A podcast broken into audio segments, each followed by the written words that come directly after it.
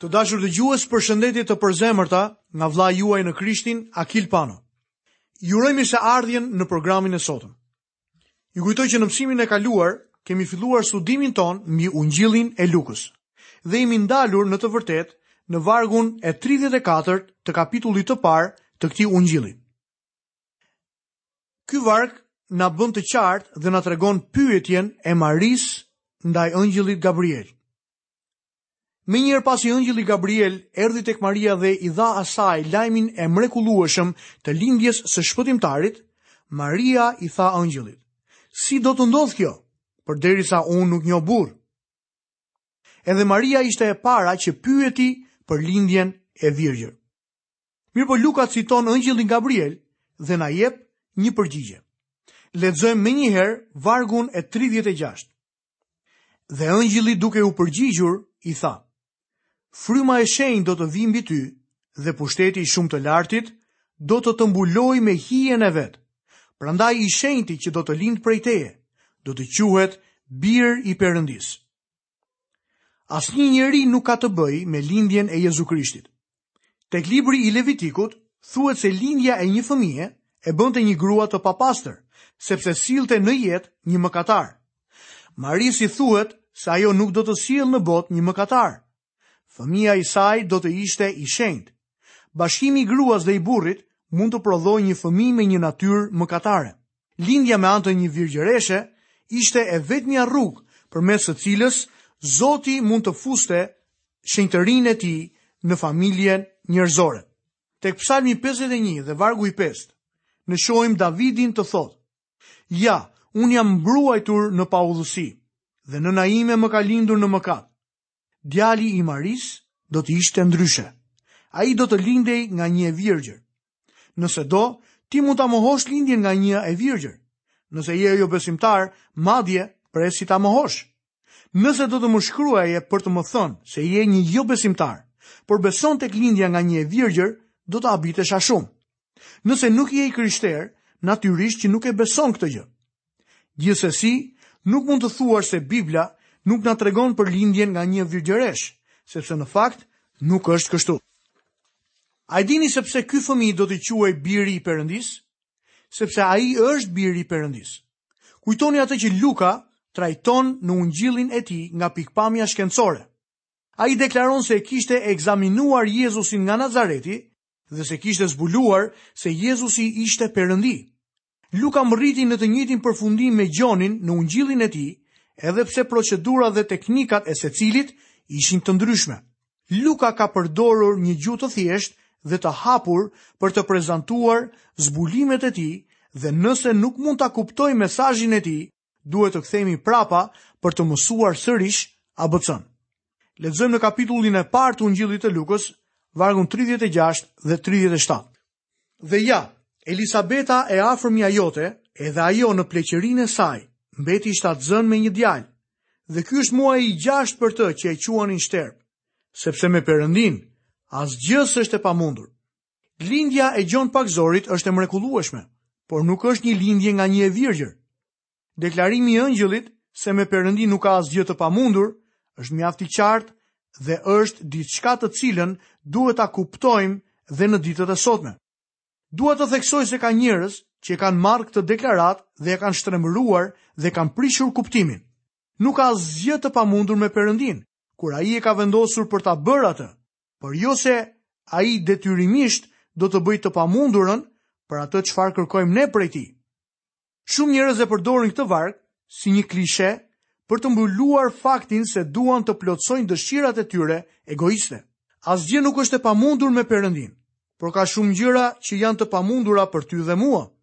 Nëse një njeri thotë nuk ka asgjë të pamundur me Perëndinë dhe dështon në disa punë që ai pretendon se Zoti ia ka dhënë për t'i bërë, kjo do të bëjë që jobesimtarët të tallen me Zotin. Çdo gjë që Perëndia cakton të bëjë, do ta përmbushë, sepse nuk ka asgjë të pamundur me Perëndin. Por kjo nuk do të thotë se Perëndia do të bëjë gjithçka çfarë duan besimtarët prej tij, sepse disa gjëra nuk janë të përfshira në planet dhe vullnetin e tij. Le të vendosim gjithçka në perspektivën e duhur përpara se të bëjmë shumë biseda të kota që në vend që të na ndihmojnë në kauzën e Jezu Krishtit, mund ta prekin dhe mund ta dëmtojnë rëndë atë. Lexojmë vargun e 38. Atëherë Maria tha, ja shërbëtorja e Zotit, le të më ndodhë sipas fjalës sate, dhe engjëlli u largua prej saj. Ky varg zbulon nënshtrimin e Marisë ndaj vullnetit të Perëndisë. Ajo i tha engjëllit, le të më ndodhë sipas fjalës sate, Pikërisht në atë moment erdhi një re mbi jetën e saj që qëndroi aty derisa u ringjall Zoti Jezu Krisht. Ringjallja e Krishtit provon lindjen e tij të virgjër. Ti nuk mund të mohosh lindjen e virgjër dhe të besosh ringjalljen ose anasjelltas. Lindja e virgjër dhe ringjallja shkojnë së bashku. Ato ose qëndrojnë ose bien që të dyja. Le të shohim vizitën që Maria i bën Elisabetës. Pas një farë kohe, Maria vendos të shkojë për të vizituar Elisabetën lart në kodër të qytetit të Judeas. Lexojmë vargun e 39 deri në vargun e 41. Dhe në ato ditë Maria u ngrit dhe shkoi me nxitim në krahinën malore në një qytet të Judesë dhe hyri në shtëpinë e Zakarias e përshëndeti Elisabetën. Dhe ndodhi që sapo Elisabeta dëgjoi përshëndetjen e Maries, fëmija i kërceu në bark dhe Elisabeta u mbush me frymën e shenjtë.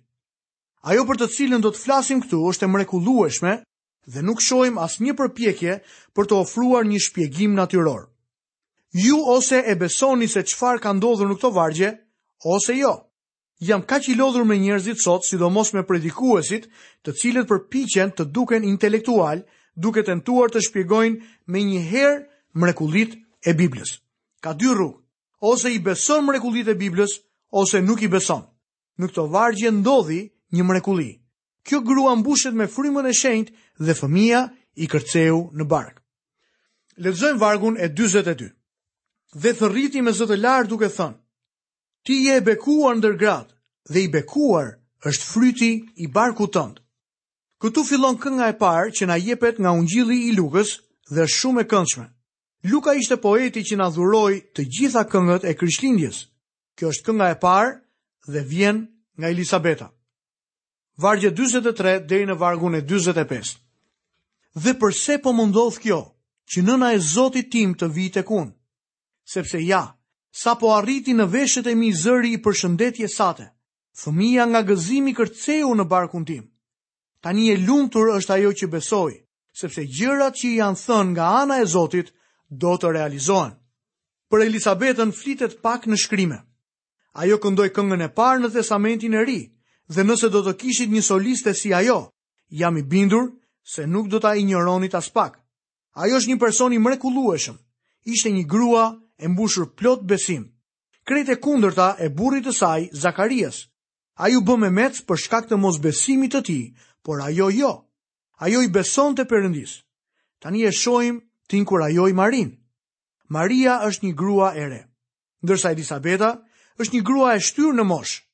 Elisabeta ka ecur me Perëndinë për shumë vjet.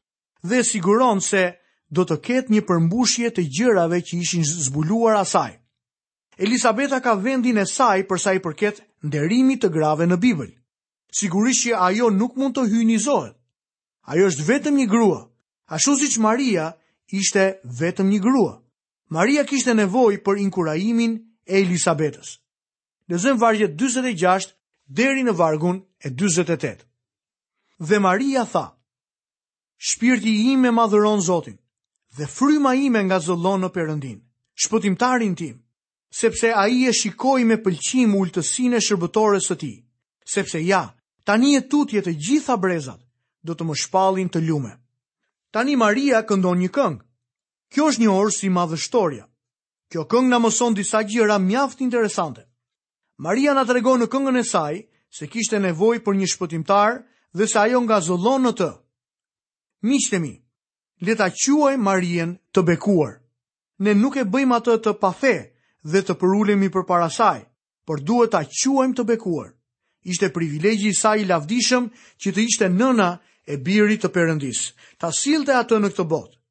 Ne nuk duhet ta minimizojmë dhe as ta hyjnizojmë figurën e saj. Ajo ishte një person i mrekullueshëm dhe nuk ishte rastësi që u zgjodh nga Perëndia. Ishte vendimi i përcaktuar i Perëndisë dhe dua t'ju kujtoj që Perëndia nuk bën gabime. Dëgjoni se si Maria vazhdon këngën e saj. Lexojmë në kapitullin e parë të Ungjillit të Lukës, vargjet 49 deri në vargun e 55. Sepse i pushtetshmi më bëri gjëra të mëdha dhe i shenjtë është emri i tij. Dhe mëshira e tij shtrihet nga brezi në brez për ata që e druajnë. Ai veproi pushtetshëm me krahun e vet. I shpërndau krenarët me mendimet e zemrave të tyre. I përmbysi pushtetarët nga fronet e tyre dhe i ngriti të përulurit. I mbushi me të mira të uriturit dhe i ktheu duarbosh të pasurit. Ai e ndihmoi Izraelin, shërbëtorin e vet, duke u kujtuar për mëshirën e tij. Ashtu siç ua pati deklaruar etërve tanë, Abrahamit dhe pasardhësve të tij përgjithmonë. Maria këndon, Ai veproi pushtetshëm me krahun e vet. Tek Isaia kapitulli 53, vargu i parë, profeti Isaia thotë, kujt iu shfaq krahu i Zotit. Pastaj Isaia fillon menjëherë të zbulojë qengjin e Perëndisë që heq mëkatet e botës. Në shpëtimin që Perëndia i dha njeriut, ai tregon forcën e krahut të tij dhe zbuloi fuqinë dhe dashurinë e tij. Maria përmend gjithashtu Abrahamin në këngën e saj. Më shumë referenca se kushdo tjetër në Testamentin e Vjetër ka Abrahami. Në fakt, ka më shumë për Abrahamin në planin njerëzor se sa për ndonjë person tjetër në Bibël. Lexojmë vargun e 56. Dhe Maria ndenji me Elisabetën gati tre muaj, pastaj u kthye në shtëpinë e vet. Pjesa që ngelet në këtë kapitull regjistron lindjen e Gjon Pagëzorit dhe këngën e Zakarias. Unë do të nxjerr në pah disa nga pikat më kyçe të këtij pasazhi. Lexojmë vargjet pesëdhjetë e shtatë deri në vargun e gjashtëdhjetë. Dhe Elisabetës i erdhi koha që të lindë dhe të nxjerrë në dritë një djalë. Fqinjët e saj dhe të afërmit, kur dëgjuan se Zoti kishte treguar mëshirë të madhe ndaj saj, u gëzuan me të. Dhe ndodhi që të tretën ditë erdhën për ta rrethprerë djalin dhe donin t'ia quanin Zakaria me emrin e të atit, Por e ëma ndërhyri dhe tha, jo, por përkundrazi do të quhet Gjon. Në atë kohë emri i fëmijës vendosej sipas emrit të babait. Por Elisabeta thotë në mënyrë të hapur që emri i tij do të jetë ndryshe. Lexojmë vargun 61 deri në vargun e 64. Dhe ata i thanë, S'ka njeri në fisin tënd që të quhet me këtë emër. Kështu me shenja e pyetën të atin si donte që t'i quhej. Ai atëherë kërkoi një tabelë shkrimi dhe shkroi mbi të. Emri i tij është Gjon, dhe të gjithë u mrekulluan. Në atë çast goja e tij u hap dhe gjuha e tij u zgjidh, dhe fliste duke bekuar Perëndinë. Në atë kohë mbiemri i jepej fëmijës nga familja. Kur erdhi puna për tek emri, të afërmit arritën në përfundimin që ata duhet ta quanin Zakaria ose Zakaria i riu, mendoj. Elisabeta bëri korrigjimin, por ata donin që t'ia vinin emrin Zakaria. Meqenëse nuk mund të fliste Zakaria, shkroi për ta, emri i tij do të jetë Gjon. Emri i tij tashmë ishte vendosur prej Perëndisë dhe të gjithë ata që ishin prezent u mrekulluan. Pas kësaj, Zakaria mund të fliste sërish dhe filloi të lavdërojë Zotin menjëherë, edhe pse nuk kishte shumë besim. Kur lindi fëmija, ai mund të gëzohej në Zotin. Përsëri, mungesa e besimit që duket tek Zakaria, është diçka që e kanë edhe shumë prej nesh. Atëherë kur Perëndia i dëgjon dhe përgjigjet ndaj lutjeve tona, ne me të vërtetë ngrihemi dhe gëzohemi. Ndonjëherë mendoj se arsyeja pse Zoti u përgjigjet lutjeve të disave prej nesh që janë të dobët është që ne të kemi diçka për t'u gëzuar. Normalisht shenjtorët e dobët nuk kanë shumë gjëra për t'u gëzuar. Shenjtorët e fortë me më shumë besim gëzohen në të gjitha situatat. Lexojmë vargjet 65 deri në vargun e 69. Dhe të gjithë fqinjëve të tyre u hyri druajtja, dhe të gjitha këto gjëra u përhapën nëpër krejt krahinën malore të Judesë. Të gjithë ata që i dëgjuan, i vunë në zemrën e tyre duke thënë, Vallë, kush do të jetë ky fëmijë? Dhe dora e Zotit ishte me të. Dhe Zakaria, ati i tij, u mbush me Frymën e Shenjtë dhe profetizoi duke thënë, Bekuar qoftë Zoti, Perëndia i Izraelit, sepse e ka vizituar dhe e kreu çlirimin e popullit të vet, dhe na ngriti një shpëtim të pushtetshëm në shtëpinë e Davidit, shërbëtorit të vet. Ishte më se e qartë që Gjoni do të ishte një fëmijë jo i zakonshëm. Me lindjen e Gjonit, Zakaria që kishte qenë memec për nëntë muaj, jo vetëm që është në gjendje të flasë, por këndon edhe një solo. Elisabeta këndoi këngën e parë, Maria këngën e dytë, dhe tani është gjëja e duhur që edhe Zakaria të këndojë një këngë. Kënga e tij është profetike. Edhe pse nuk ishte në linjën e Davidit, Zakaria e di që ky djalë do të jetë pararendësi i Jezu Krishtit, ashtu siç thuhet tek Malakia dhe libri i profetit Isaia. Gjoni do të lajmëronte ardhjen e Mesias. Prezenca e pararendësit tregon se Mesia nuk ishte shumë larg, ai po vinte shpejt. Lexojmë vargun 70 deri në vargun e 75. Ashtu si ai e kishte deklaruar nëpërmjet gojës së profetëve të tij të shenjtë, që nga kohët e lashta, që ne të shpëtojmë prej armiqve tanë dhe prej dorës së gjithë atyre që na urrejnë, për të treguar mëshirë tek etërit tanë, e për t'u kujtuar për besëlidhjen e tij të shenjtë, betimin që i bëri Abrahamit atit tonë, për të na lejuar që pasi të çlirohemi nga duart e armiqve tanë, të mund t'i shërbejmë pa frikë, në shenjtëri e në drejtësi përpara tij, të gjitha ditët e jetës sonë. Perëndia i bëri këto premtime Abrahamit. Maria, Elisabeta dhe Zakaria besonin ende se premtimet që u ishin bërë Abrahamit do të përmbusheshin. Ka disa njerëz sot që janë dorëzuar dhe nuk besojnë se Zoti do të plotësojë premtimet që i ka bërë Abrahamit. Miqtë e mi, nëse besoni se Zoti do të plotësojë për ty premtimin e Gjonit kapitulli 3 dhe vargu i 16, ti nuk ke të drejtë të zbresësh premtimet që janë bërë nga Perëndia Abrahamit. Lexojmë vargjet 76 deri në vargun e 80. Dhe ti o fëmijë i vogël do të quhesh profet nga shumë i larti, sepse ti do të shkosh përpara fytyrës së Zotit për të përgatitur udhët e tij, për t'i dhënë popullit të tij njohjen e shpëtimit në faljen e mëkateve të tyre. për hir të thellësisë së mëshirës së Perëndisë tonë, për të cilin agimi nga lart na ka vizituar. Për të ndriçuar ata që dergjeshin në errësirë dhe në hijen e vdekjes, për të udhëhequr hapat tona në udhën e paqes. Ndërkaq, fëmija rritej dhe forcohej në frymë dhe qëndroi në shkretëtirë deri në atë ditë kur ai duhet të zbulohej Izraelit. Gjoni do të thirrej profet i Shumë të Lartit. Ai do të shkonte përpara fytyrës së Zotit për të përgatitur udhët e tij. Gjoni e dinte se Mesia ishte në mes tyre. Gjon Pagëzori ishte një person shumë i pazakontë. Ai ishte i përgatitur të bënte një punë të veçantë për Zotin. Të dashur dëgjues, këtu kemi mbërritur dhe në mbylljen e emisionit të sotëm. Ju kujtoj që në emisionin e ardhshëm, do të studiojmë kapitullin e dytë të Ungjillit sipas Lukës. Tema e këtij kapitulli është lindja e Jezusit në Betlehem në një grazhd. Pranimi i Jezusit. Engjëjt u shpallin lindjen e tij barinjve, barinjtë vizitojnë grazhdin, rrethprerja e Jezusit dhe pastrimi i Marisë.